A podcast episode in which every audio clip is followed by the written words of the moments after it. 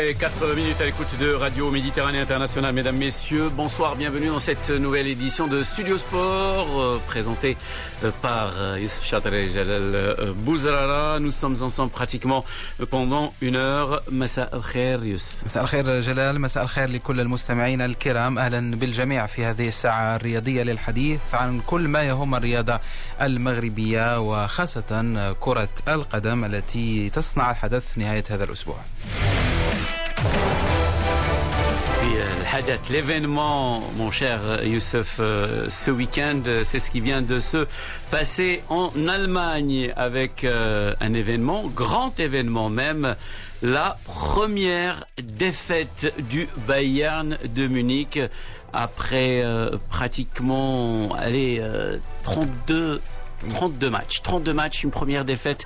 Le Bayern de Munich qui a lourdement euh, chuté face à Offenheim en Bundesliga. Ce sera l'un des principaux sujets de le vestiaire à partir de demain, 17h30 et 18h avec nos différents consultants. Et là, en l'occurrence, avec David Lortolari. L'événement aussi cette semaine, ça a été le derby de Casablanca entre le WAC et le Raja.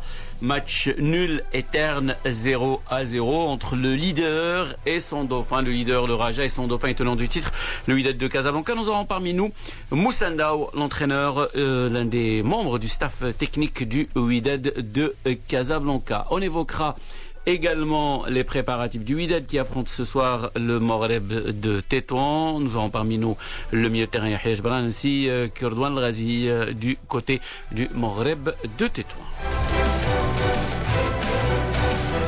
سنتحدث أيضا عن مباراة رجاء بني ملا نهضة بركان مباراة مهمة جدا لفريق نهضة بركان تعني أيضا الرجاء والوداد بما أن الصراع ثلاثي على المقدمة وعلى اللقب.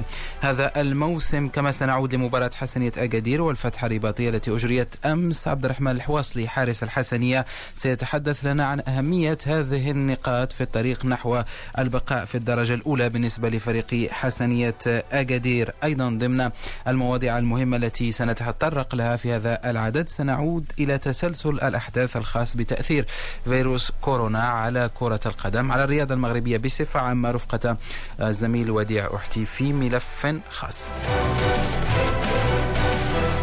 Il sera question euh, également de tennis avec le début des internationaux de France à Roland Garros, euh, une euh, drôle, en tout cas d'édition de Roland Garros qui qui est prévue euh, normalement entre mai et juin. Ça se passe en septembre et ça se passera pratiquement sans public, euh, 1000 supporters euh, seulement dans un parc hein, qui est composé de plus d'une vingtaine de cours de tennis. Nous aurons parmi nous euh, Sébastien Houlot, journaliste spécialiste de tennis. Et puis, et puis parmi les nouvelles rubriques proposées par le service des sports de Média 1, Kamos Ariada présenté par Wadi Uhti et Kamos Ariada pour nous donner, nous expliquer le mot hat-trick en football.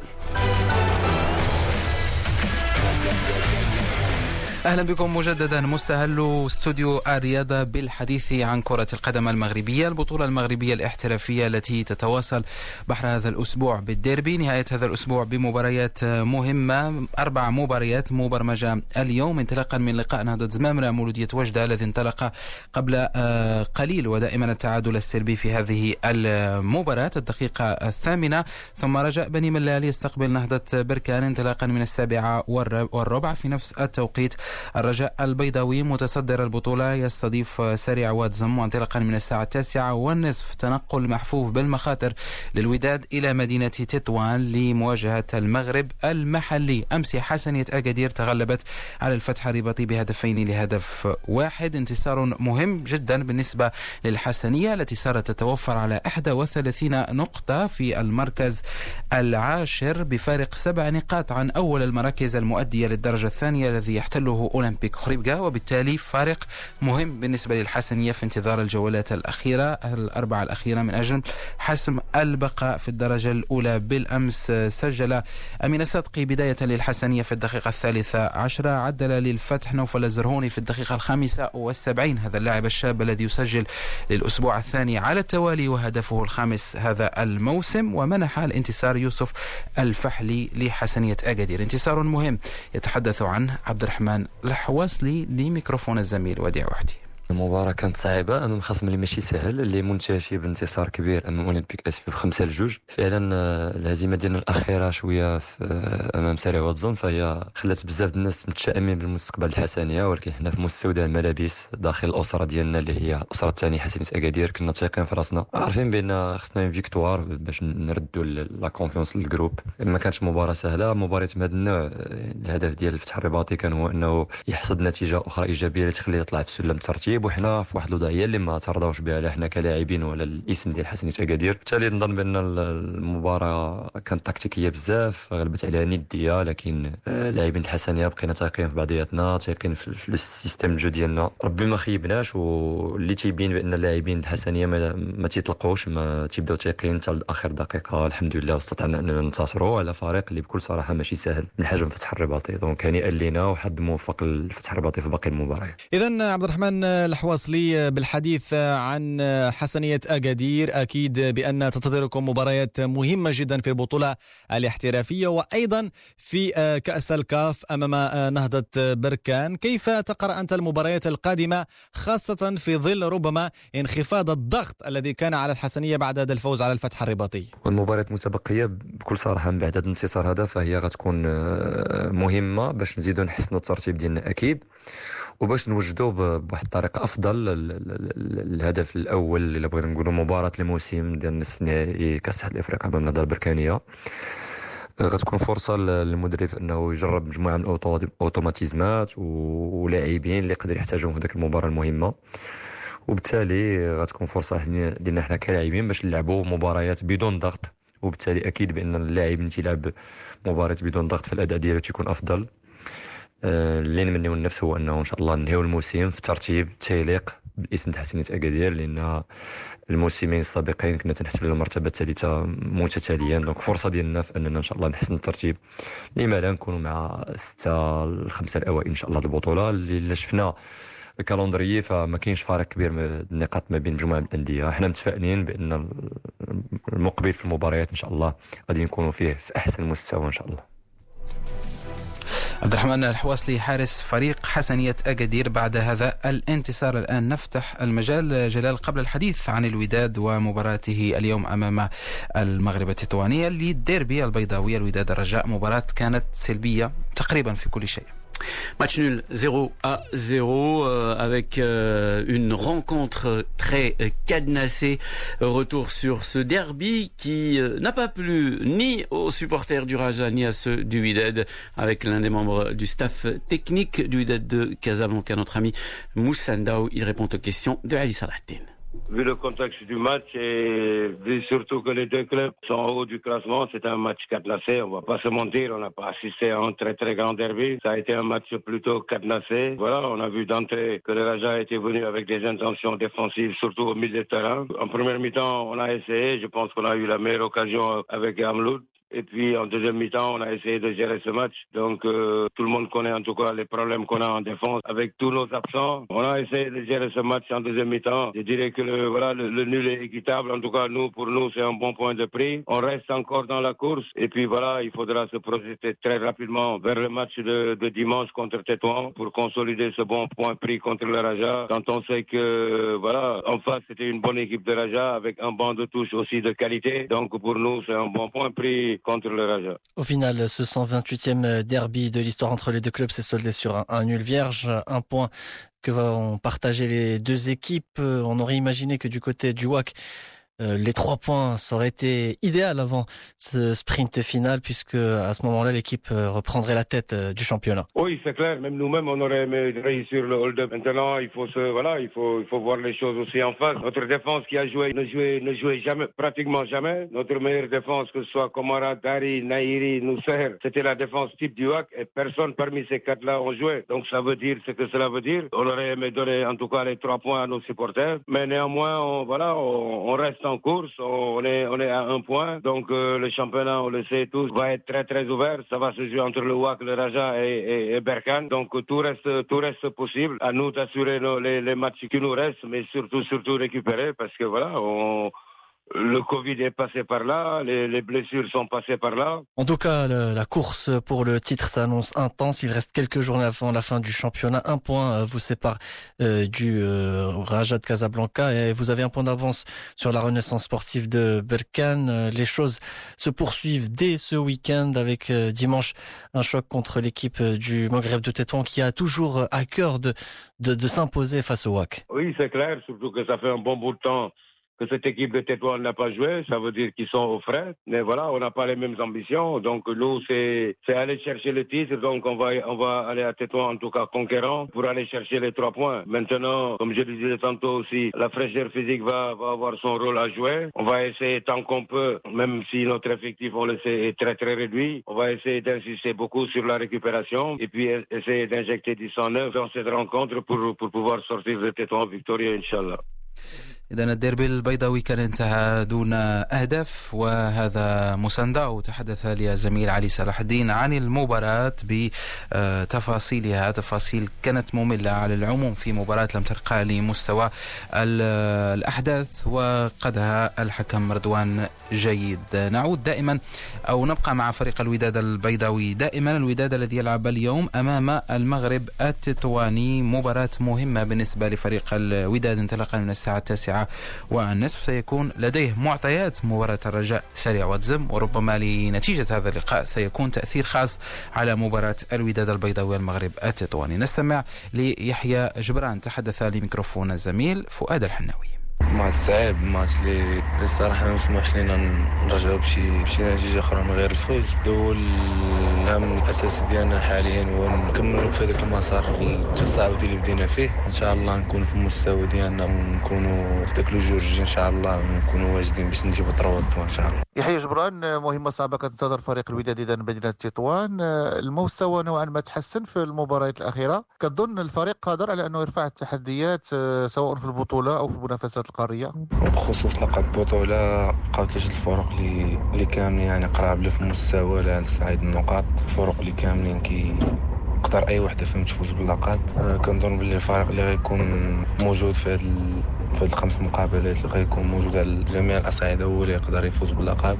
نتمنى نكونوا حنا هو ذاك الفريق اللي اللي غيكون بري وغيكون موجود إن شاء الله باش يفوز باللقب. ولما لا إن شاء الله نعاودوا نفوزوا بهذه السنة هذه إن شاء الله.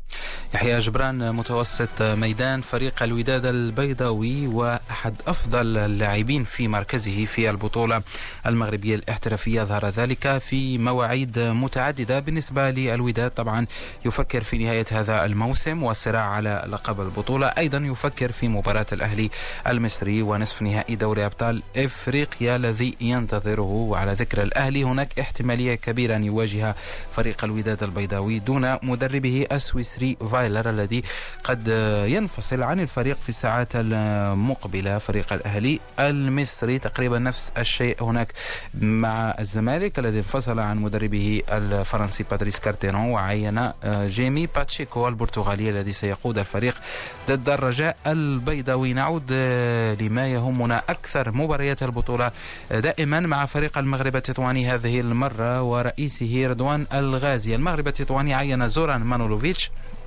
المدرب السابق للوداد البيضاوي الذي عليه مسؤولية تكوين فريق جديد للمنافسة على لقب البطولة المغربية. لما لا؟ بما أن المغرب التطواني تعود في السنوات الأخيرة على لعب الأدوار الأولى. رئيس الفريق رضوان غازي نستمع إليه. يتحدث بداية لماذا اختيار زوران؟ وأيضا كيف ما هو المغرب التطواني الذي ننتظره الموسم المقبل؟ هل سيتغير كثيرا أم سيحافظ على نفس الأسماء ونفس نفس التركيبة. رضوان الغازي.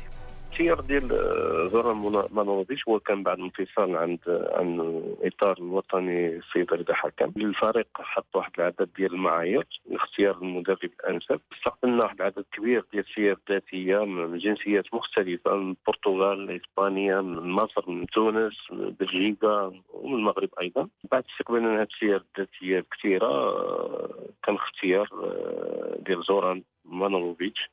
المدرب السابق للفريق وداد البيضاوي المعايير كانت هي أهمها كانت هي الدراية ديالو كره القدم المغربية بالبطولة الوطنية. كان أحد إحدى المعايير أيضا ميزانيه الفريق اللي الراتب ديال المدرب ما يكونش ثقيل على على الميزانية ديال الفريق اللي يناسب الميزانية.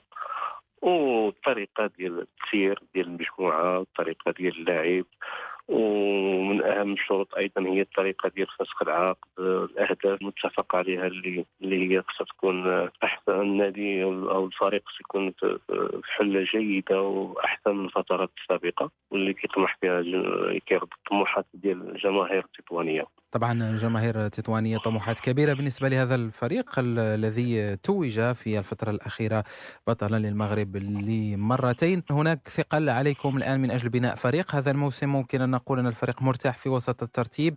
آه، بعد بداية موسم كانت جيدة. الفريق ربما الأداء يطمئن بشكل عام آه، على المستوى هذا الموسم. لكن ربما الطموحات تختلف بالنسبة للموسم المقبل. عودة المغرب التطواني مرة أخرى للمنافسة على اللقب وعلى ولمكانته الطبيعية التي عودنا عليها في السنوات الأخيرة؟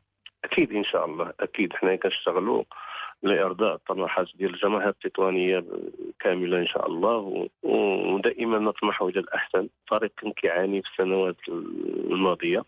الحمد لله هذا العام تجاوز المراحل خطوات كبيرة. السنة القادمة إن شاء الله مع التسيير والتجربة اللي راكمنا في السنتين الماضيتين إن شاء الله الفريق بيكون يرضي كما قلنا الطموحات ديال الجماهير ويكون في أحسن حلة ويكون فريق ذو تنافسية عالية جدا اللي ينافس الفرق البوديوم. في ختام هذه الدردشة. بالنسبة لكم كإدارة ربما بدأتم في التفكير في السنة المقبلة من خلال التعاقد مع زوران. آه، هل ننتظر صيف ساخن بالنسبة للانتدابات انتقال لاعبين وأيضا جلب اللاعبين أم فريق المغرب التطواني سيبحث عن الحفاظ على الأسس والركائز ديالو هذه السنة مع تدعيم طفيف لاعب أو اثنين بالفعل الحمد لله الفريق ديال المغرب التطواني آه، العقود ديال اللاعبين اللي غادي تنتهي هي تقريبا خمس عقود.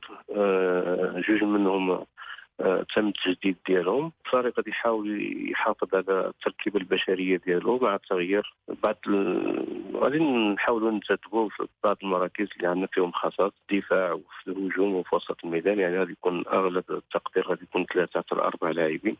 اللي يسدوا ذاك الخصص اللي باقي ناقصنا في الفريق. حنا مطمئنين على أداء ديال الفريق مطمئنين على التركيبه البشرية اللي كاينة. فريق آه، أيضا اللي غادي يحقق واحد الاستقرار خصوصا بالنسبة للتركيبه البشرية وخصوصا بالنسبة للأداء التقني. غادي يكون النتائج أكيد غتكون مزيانة وترضي الطموحات. رضوان الغازي رئيس فريق المغرب التطواني تحدث عن مستقبل هذا الفريق السنة القادمة رفقة مدربه الجديد زوران مانولوفيتش الذي يبقى كمشرف عام في نهاية هذا الموسم ويبدأ مهامه كمدرب على أرضية الملعب أو على حافة الملعب انطلاقا من السنة المقبلة. بالنسبة لمباريات البطولة أعود لأذكر أن هناك مباراة تتواصل في هذه الأثناء بين فريقي سريع وتزم أو بين فريقين. نهضة زمامرة والمولودية الوجدية. دائما التعادل السلبي مع حلول الدقيقة الثانية والعشرين. نواصل دائما حديثنا عن المباريات المهمة التي تجرى اليوم. إذا كنا تحدثنا عن الوداد الذي يلعب أمام المغرب التطواني انطلاقا من الساعة التاسعة ونصف وهي مباراة مهمة وبالنسبة لصدارة الترتيب. أيضا فريق نهضة بركان ينتظر بشوق خسارة أو تعثر الرجاء. والوداد من أجل أن ينقض على الصدارة وهو يدرك أن هناك فرصة كبيرة لتتويجه بلقب هذا الموسم. الموسم بعد فوزه بكأس العرش قبل آه، سنوات آه، قليلة نهضة بركان يحل ضيف على رجاء بني ملال والمدافع إسماعيل آه، المقدم يتحدث لميكروفون الزميل فؤاد الحناوي عن هذا اللقاء. المقابلة اللي كنت مع فريق رجاء بني ملال فهي مقابلة جد مهمة لا سيما أننا في حاجة ماسه إلى ثلاث نقاط باش نزكيو الحظوظ ديالنا تتويج البطولة الوطنية. أه نتمنى من الله أننا ربي يوفقنا في هذه المقابلة ويكون انتصار من الصالح ديالنا. أما بالنسبة للبطولة الوطنية فهي حق مشروع فريق النهضه البركانيه غينافس إلى آخر جولة. ونتمنى من الله أننا أن ربي ما يخيبناش ونديروا اللي علينا والكمال على الله. إسماعيل المقدم مدافع فريق نهضة بركان الذي يلعب منذ سنوات إلى جانب يوسف دايو في متوسط دفاع.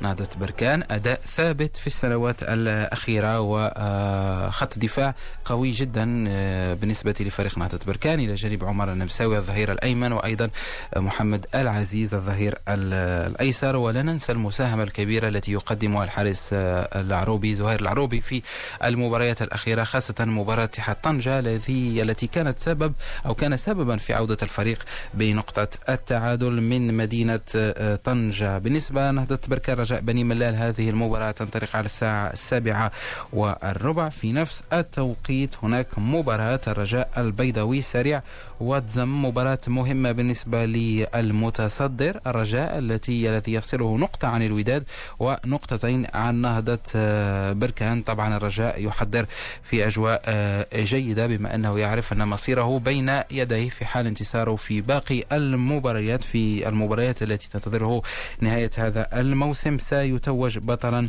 للمغرب. هناك مباراة رجاء سريع واتزم أيضا فريق رجاء البيضاوي تنتظره آه، مباريات أخرى مهمة جدا نهاية هذا الموسم. منها مباراة فريق المغرب التطواني من المباريات التي قد تكون منعرجا بالنسبة للفريق الأخضر هذا الموسم في حال أراد أن يتوج باللقب. أيضا الرجاء سيستضيف فريق نهضة بركان في الجولة الثامنة والعشرين وسيرحل في الجولة القادمة إلى الجولة السابعة والعشرين لمواجهة فريق مولودية وجدة. رجاء لقبه يتحدد بالجهة الشرقية. على أي نواصل دائما حديثنا عن مباريات البطولة والفرق هذه المرة مع فريق أولمبيك آسفي الذي آه، يبقى مطمئن على مركزه التاسع ب 32 نقطة تقريبا ضمن البقاء. يحتاج إلى نقاط قليلة من أجل ضمان البقاء. أولمبيك آسفي الذي آه، يبدأ حتى تحضيراته للسنة المقبلة. في هذا العدد ضيفنا هو زكريا الهلالي لاعب بخبرة كبيرة في السنوات الأخيرة مع فرق مختلفة في البطولة. يلعب لفريق أولمبيك أسفي منذ سنوات وكان ضمن الركائز الأساسية التي ميزت هذا الفريق في المشاركة العربية الأخيرة حين بلغ الدور. ربع النهائي نتعرف على استعدادات الفريق المسفيوي لنهاية هذا الموسم. وأيضا على جديد لاعب زكريا الهلالي الذي قد يرحل إلى فريق آخر في حال وجود عروض مهمة. نستمع إليه. الاستعدادات كدوز في ظرفيه يعني جيدة. آخر يعني تلقينا آخر هزيمة كانت شوية قاسية ولكن ظروف المباراة اللي شاف كل شيء ظروف المباراة يعني يعني يعني الطرد في الدقائق الأولى وتسجيل يعني الهدف تلعب يعني طيلة المقابلة ب 10 لاعبين وامام فريق اللي فريق منظم وفريق الفتح يعني اللي عنده يعني لاعبين تبارك الله في المستوى. يعني كان بحال اللي قلتي هي اللي إلى فخينا ديك يعني les victoires اللي درنا consécutives فكنتمنى من الله أننا إن شاء الله نعوضوا في مباراة الوداد لأن صراحة نحتاجوا نيت باقي ما حتى حاجة ما تحسمات 32 نقطة فخصنا نزكيو على الأقل بنقطة باش نضمنوا بقاء رسميا. فيعني كنتمنى من الله اننا نشوفوا إن شاء الله في مباراة الوداد. زكريا الهلالي مواسم ناجحة يعيشها الفريق. تألق لافت في الكأس العربية بالنسبة لفريق أولمبيك أسفي. كيفاش كتصوروا كلاعبين السنة المقبلة؟ أكيد هناك طموح من أجل المنافسة على المراكز الأولى وأيضا على منافسات كأس العرش. الحمد لله بعد تحقيق يعني مراتب متقدمة الموسم الفائت اللي خولنا أننا نلعب البطولة العربية. فيعني الحمد لله تألقنا وحققنا نتائج إيجابية تضافر الجهود أو خصوصا يعني الكل كان كيصد في جهة واحدة ربع النهاية وثاني مشاركة للفريق اللي ما عندوش تجربة في المنافسات الخارجية فهذا يحسب إنجاز فريق أولمبيك اسفي فما كنا صراحة كنا خصنا نكملوا ونكونوا إن شاء الله ضمن زعما ضمن هذا المربع الذهبي ولكن ما ما كتبش فقدر الله ما شاء فعل. فكنتمنى من الله أننا إن شاء الله كما نعوضوا إن شاء الله في باقي المقابلات باش نضمنوا مراتب متقدمة اللي تخولنا نشاركوا في أي منافسة خارجية. على المستوى الشخصي زكريا الهلالي تجربة كبيرة في البطولة ضمن فرق مختلفة آه، تقييمك للمسار اللي خطيتيه مع فريق أولمبيك آسفي في السنوات الأخيرة وهل هناك نية للاستمرار دائما في هذا المشروع لسنوات أخرى؟ باقي ما حسنتش يعني المستقبل ديالي. فيعني كاينة عروض كندرس أنا وكيل الاعمال ديالي. فيعني بصراحه يعني كما كنقول ديما فيعني نهار غنجالس فريق اولمبيك اسفي غيكون هما هما الأولين. يعني غنعطيهم الحق باش نتفاوضوا على العقد نشوفوا إن شاء الله واش غنوصلوا لاتفاق ولا لا. فحيت لانهم حلوا الباب لزكريا هو مصاب فما نقدرش نجي ونسد الباب عليهم. ف والجماهير ديالهم بصراحه اللي اللي كان شي تجديد ولا شي حاجة فغتكون عندهم نسبة كبيرة لأن صراحة ما بخلوش على زكريا لا لا بالتشجيع لا بالاحترام يعني شفت منهم غير الخير فكنتمنى من الله أننا نوصلوا لاتفاق. وكما كنقولوا الكرة هي هذه إلا كان إلا قدرت نكمل مع فريق أولمبيك اسفي فيعني فهذا غيكون شرف. ما قدرش أنه تحبس يعني المسيرة ديالي في فريق أولمبيك اسفي هنا في هذه السنة هذه كنتمنى لهم ف... يعني مسيرة موفقة إن شاء الله وغيبقى غيبقى فريق أولمبيك اسفي والجمهور ديالو في القلب ديالي حتى نسالي إن شاء الله. زكريا الهلالي لاعب فريق أولمبيك اسفي وما ينتظره رفقة هذا الفريق.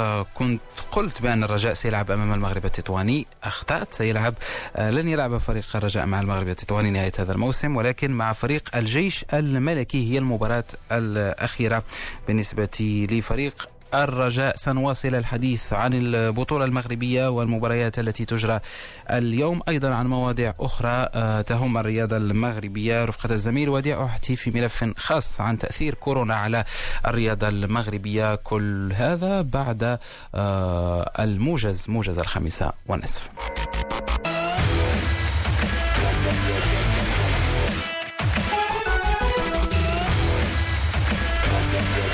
7h33 minutes à l'écoute de Radio Méditerranée Internationale, la seconde partie de Studio Sport, avec tout d'abord un rapide tour d'horizon en Europe. Je vous rappelle la principale information, la grosse surprise, avec bien entendu la première défaite du Bayern de Munich depuis plus de 32 matchs. Le Bayern de Munich qui a chuté 4 buts à 1 face au club d'Offenheim quelques jours après avoir remporté la Super Coupe d'Europe face au FC Séville de Yassine Bounou, de Nsairi et de Mounir El Haddadi. L'Espagne, justement, avec les grands débuts de notre ami Suarez. Suarez qui a joué aujourd'hui avec son nouveau club, l'Atlético Madrid, l'Atlético opposé à l'actuel leader, le club de Granada. Véritable démonstration de force des Colchoneros. Victoire 6 buts à 1 pour la formation de l'Atlético Madrid avec avec un doublé de Monsieur Suarez. Suarez, auteur de deux buts, donc le premier à la 85e, le deuxième dans les arrêts de jeu. Luis Suarez qui était aussi auteur d'une passe décisive, 6 buts à 1 donc pour l'Atlético Madrid face à Grenade ce soir. Les grands débuts ben, du Barça, mais sans Luis Suarez, le FC Barcelone opposé à Villarreal. بعد هذه الجولة في الملاعب الأوروبية وأبرز ما تحمله هذا اليوم. نعود إلى الشأن المحلي لكرة القدم إلى الرياضة المغربية. هذه المرة مع ملف خاص أعده زميل وديع أحتي للحديث عن تأثير فيروس كورونا على الرياضة المغربية بصفة عامة منذ شهر مارس الماضي وحتى اليوم. وديع أحتي.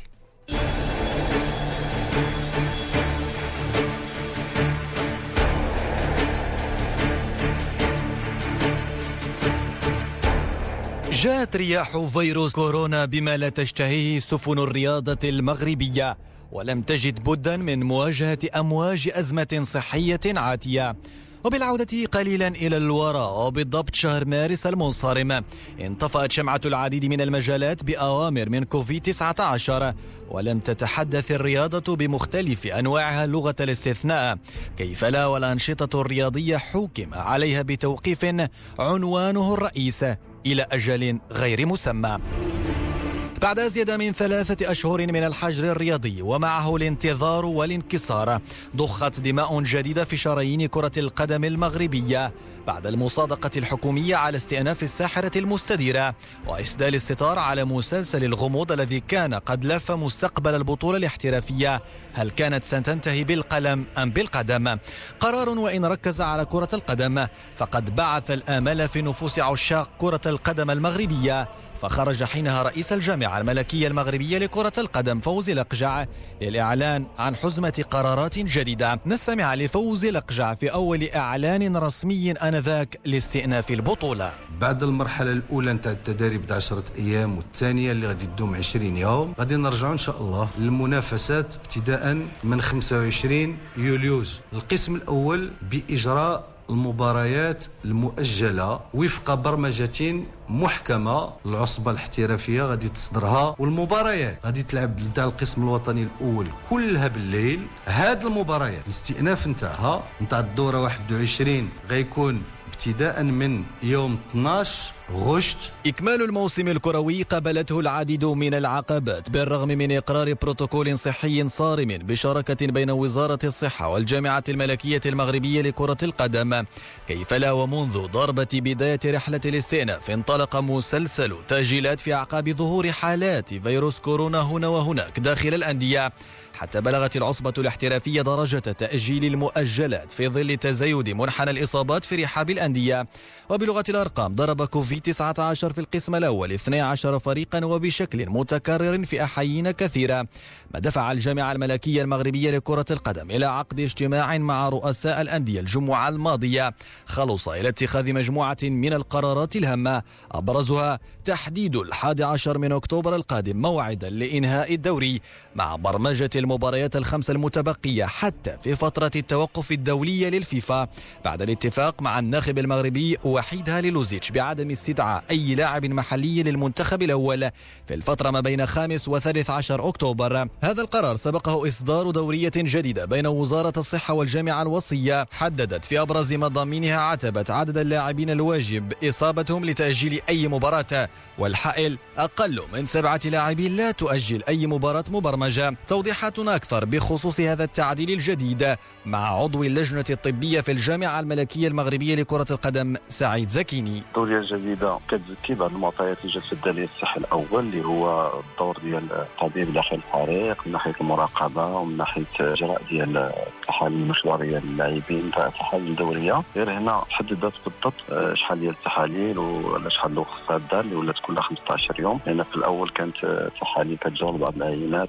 48 ساعة قبل المباراة الآن كلها 15 يوم وكتسري على جميع مكونات الفريق اللاعبين وأطر من ناحية عدد اللاعبين المصابين اللي ممكن نأجلوا مباراة فهو تحدد سبعة فما فوق. علاش؟ لأن كما كتعرفوا الآن ممكن يسجلوا ورقة المباراة 20 لاعب. إذا ملي كيكونوا سبعة اللاعبين. ماشي لو ستاف معناه أنه باقي لنا 13 لاعب باش ممكن يجروا المباراة بعيدا عن المكاتب الإدارية وصعوبات تدبير أزمة كورونا خارج المستطيل الأخضر المدربون واللاعبون من جهتهم يعيشون فترة غير مسبوقة إن على مستوى الإعداد التقنية والبدنية وحتى النفسية وهو ما أثر بشكل واضح في أداء بعض الأندية بعد عودتها من الحجر الصحي ناهيك عن افتقاد التنافسية والرتم العالي بعد تأجيل العديد من المباريات.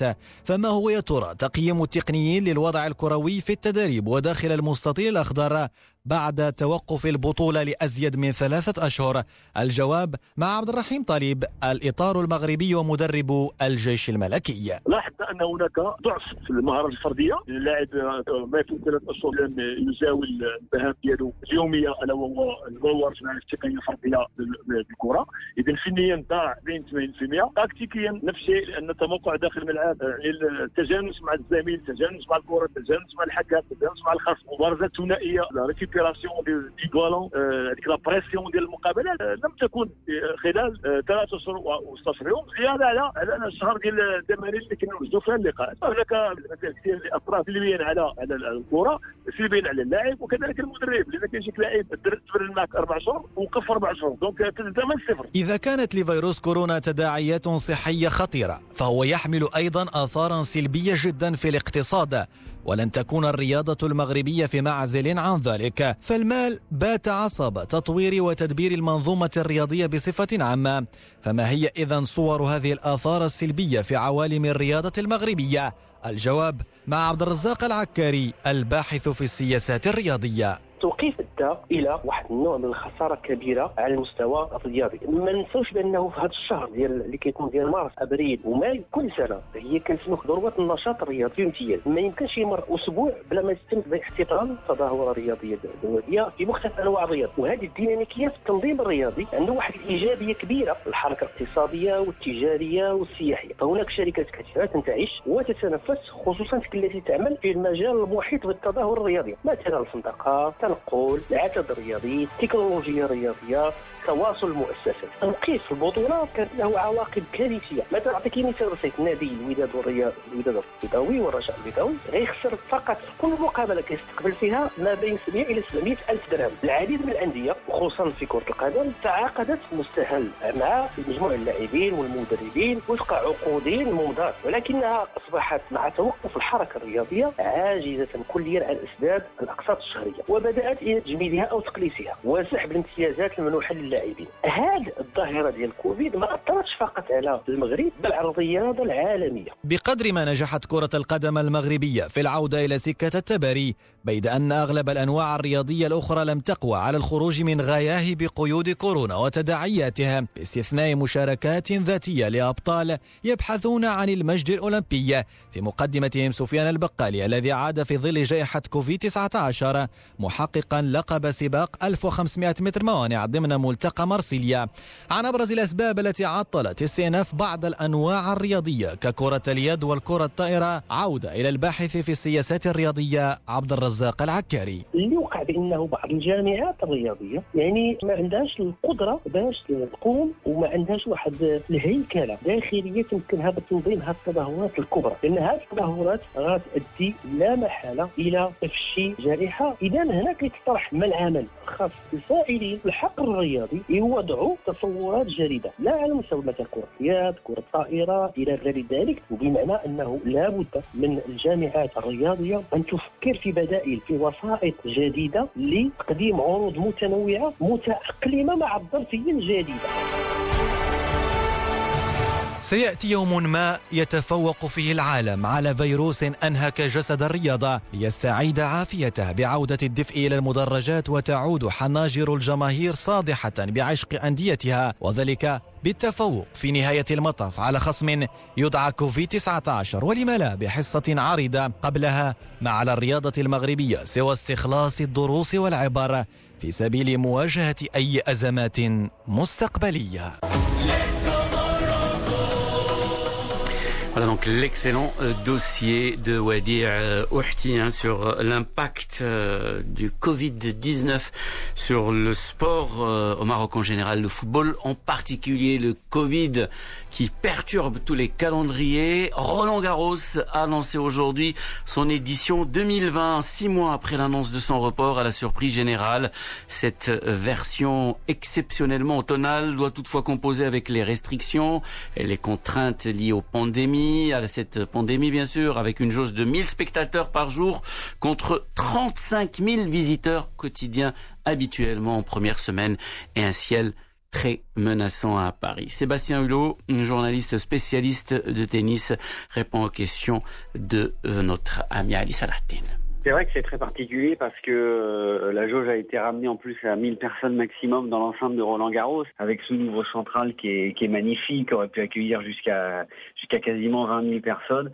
Là, on va se retrouver avec 1000 euh, personnes grand maximum dans ce central. Ça va sonner creux. Effectivement, après, ça va être de savoir aussi comment les joueurs vont s'adapter à cette, nouvelle ambiance. Pour ceux qui ont fait l'US Open, c'est un vrai avantage parce que du coup, ils ont compris comment on pouvait jouer euh, quasiment à huis clos. Après, pour les autres, ça va être euh, quelque chose de très particulier. Rafael Nadal a déjà déclaré que bien sûr, il venait pour gagner une nouvelle fois Roland Garros mais que sans public, ça va être difficile. Voilà donc une année euh, particulière euh, pour 2020 euh, à Roland Garros. Il y aura en revanche les têtes d'affiche à l'image de Rafael Nadal et de Novak Djokovic, pas de Roger Federer. Qu'en est-il des chances des meilleurs de la discipline pour cette année? Sur la valeur intrinsèque des joueurs, hein, forcément, Rafael Nadal est, est, le grandissime favori, d'autant que finalement, il a fait l'impasse sur la tournée américaine, il a fait l'impasse sur l'US Open pour vraiment ne s'entraîner que sur terre battue. Euh, donc même s'il a été battu euh, à Rome dans des conditions de jeu euh, avec l'humidité qui pourrait être similaire à Roland Garros, on voit pas trop comment euh, Raphaël Nadal pourrait être inquiété, surtout quand on voit sa partie de tableau. Donc on peut penser quand même que Raphaël Nadal reste le, le favori, qui va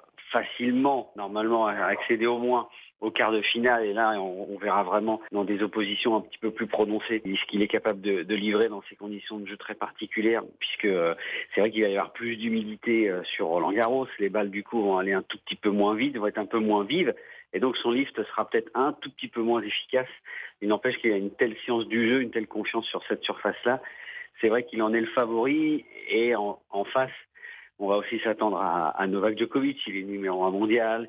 Il a vraiment envie envie de, de regoûter à cette, à cette saveur si particulière de battre Nadal ici à, Roland Garros. Il l'avait fait une fois dans un quart de finale qui a été euh, qui avait été majestueux. Il a vraiment envie de renouveler l'expérience et surtout d'évacuer aussi cette euh, cette terrible frustration de cette euh, disqualification à l'US Open. Oui, il a gagné Rome, mais ça n'effacera pas vraiment ce qui s'est passé à New York. Novak Djokovic qui a montré donc des signes d'agacement qui lui ont coûté cher du côté de l'US Open, de nouvelles failles dans son personnage qu'il essaye à plusieurs reprises de maîtriser. Oui, mais on sait de toute façon qu'il est très très vite nerveux sur un cours. Hein. C'est pas nouveau ça, c'est pas nouveau de la part de, Novak Djokovic. Lorsqu'il avait gagné Roland Garros, euh, il avait donné beaucoup de signes d'agacement, de, de, nervosité. C'est vrai que ça avait été une édition, il y avait eu beaucoup de pluie, donc les matchs étaient souvent interrompus. Ça fait partie du personnage. Il est nerveux, il est euh, il est un peu aussi enfant gâté, hein, il est un peu capricieux quand ça tourne pas dans son dans son sens. Euh, il est capable aussi de jouer sur les sur des éléments extérieurs. Mais après, quand il est dans sa bulle, quand il est quand il est vraiment concentré, quand il sent bien la balle, il est quand même difficilement euh, difficilement battable. Et ça a été quand même un des premiers à trouver la faille dans le tennis de Rafael Nadal sur euh, sur terre battue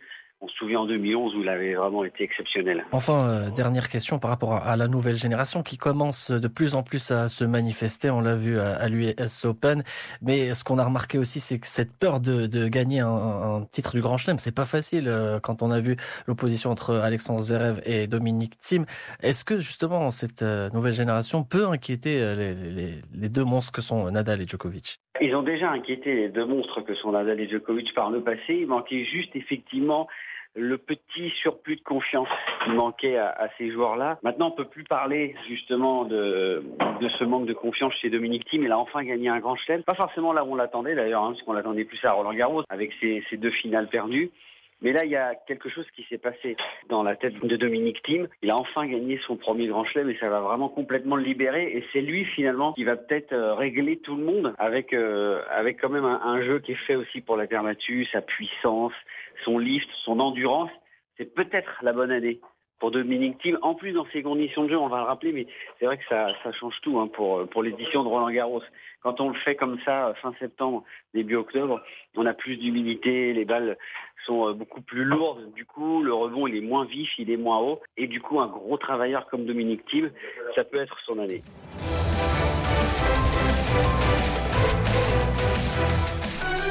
الخامسة والدقيقة الخمسون على أمواج ميدي آن نصل تقريبا لنهاية هذا العدد من برنامج استوديو الرياضة. تبقى لنا أو تبقت لنا فسحة رفقة وديع أحتي للتعرف آه، في فقرته الجديدة التي تبث كل يوم أربعاء ضمن أو كل يوم ثلاث خميس ضمن برنامج ميادين. آه، طبعا وديع أحتي يعرفنا على كلمة هاتريك لماذا نسمع كثيرا هاتريك في عالم كرة القدم؟ وديع أحتي.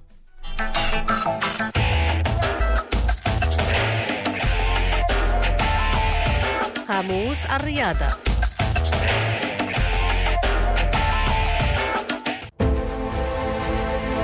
فوق المستطيل الأخضر تسمع هنا وهناك مصطلح الهاتريك أو تقرأ هذا اللاعب دون في شباك الخصم الهاتريك وبالعودة إلى قاموس الرياضة نجده يحدثنا عن الدلالة الأولية لهذا المصطلح لدى الغالبية من عاشقي الساحرة المستديرة وهي أن لاعبا واحدا سجل ثلاثة أهداف في مباراة واحدة سواء في وقتها القانوني أو الإضافية فماذا يا ترى عن أصول الهاتريك وتاريخها؟ كلمة هاتريك إنجليزية الصنع تتكون من جزئين hat بمعنى قبعة و trick بمعنى خدعة. بيد أن الروايات اختلفت حول تاريخ ميلاد الهاتريك ففي صفحات التاريخ نجد رواية تقول إن المصطلح ظهر لأول مرة في العام 78 و800 وألف. وذلك في رحاب لعبة الكريكت لوصف ما فعله اللاعب ستيفانسون عندما حقق المراد ثلاث مرات متتالية بطريقة رائعة. بعدها رفع قبعته بعد إنجازه لتسمى الهاتريك. وفي رواية ثانية ارتبط الهاتريك باللاعب روم لايت الذي دون ثلاثية في مرمى شيفيلد عام 58 و 800 وألف. وبعد المباراة رفع قبعته للملكة كإشارة لتسجيله الثلاثية. تفنن نجوم كرة القدم في تدوين الهاتريك على مر التاريخ. وبالسبر في أغوار الماضي نجد أن اللاعب الإنجليزي توميروس هو صاحب أسرع هاتريك في التاريخ بتسجيله ثلاثة أهداف خلال 90 ثانية فقط. بقميص فريقه روس كاونتي ضد مقاطعة نيرن في العام 64 و900 وألف.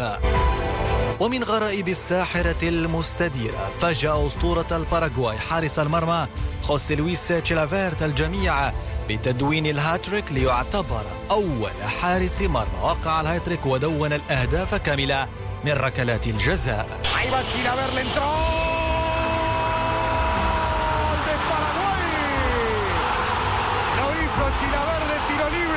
إن كان الهايتريك اختصاص النجوم المتوهجين والمتألقين فالنجم الفرنسي زين دين زيدان وللصدف لم يسجل سوى هايتريك وحيد في مسيرته الكروية.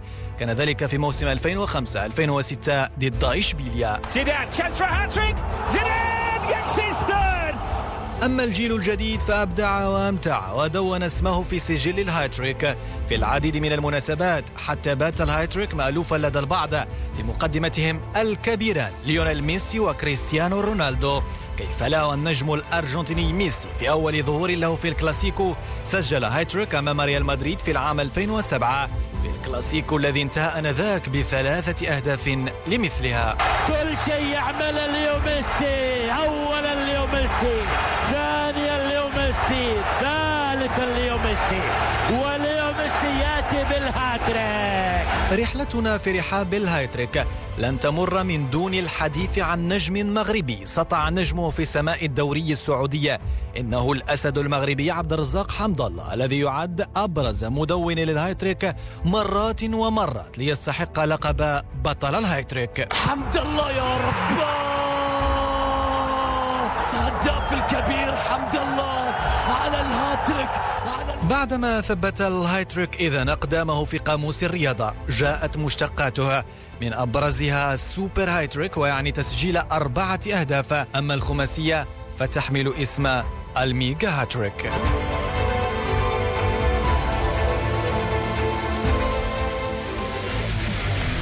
تعرفنا على سر تسمية الهاتريك عندما تسجل ثلاثة أهداف. كان هذا وديع أحتي وآخر مواد هذا العدد من برنامج استوديو الرياضة. أذكركم فقط مستمعينا الكرام بالمباراة التي تتواصل في هذه الأثناء. نهضة زمامرة يتقدم على المولودية الوجدية بهدف دون رد رجاء بني ملال يستقبل نهضة بركان انطلاقا من الساعة السابعة والربع. ورجاء البيضاوي يستضيف سريع واتزم في نفس التوقيت. ثم المغرب التطواني يلتقي الوداد البيضاوي انطلاقا من الساعة التاسعة والنصف. بهذا مستمعينا الكرام نضع نقطة نهاية لهذا العدد من برنامج استوديو الرياضة. طبعا تلتقون دائما مع البرامج الرياضية في على أمواج ميديا كل يوم من الاثنين إلى الجمعة ويومي السبت والأحد برنامج استوديو الرياضة انطلاقا من الخامسة إلى السادسة.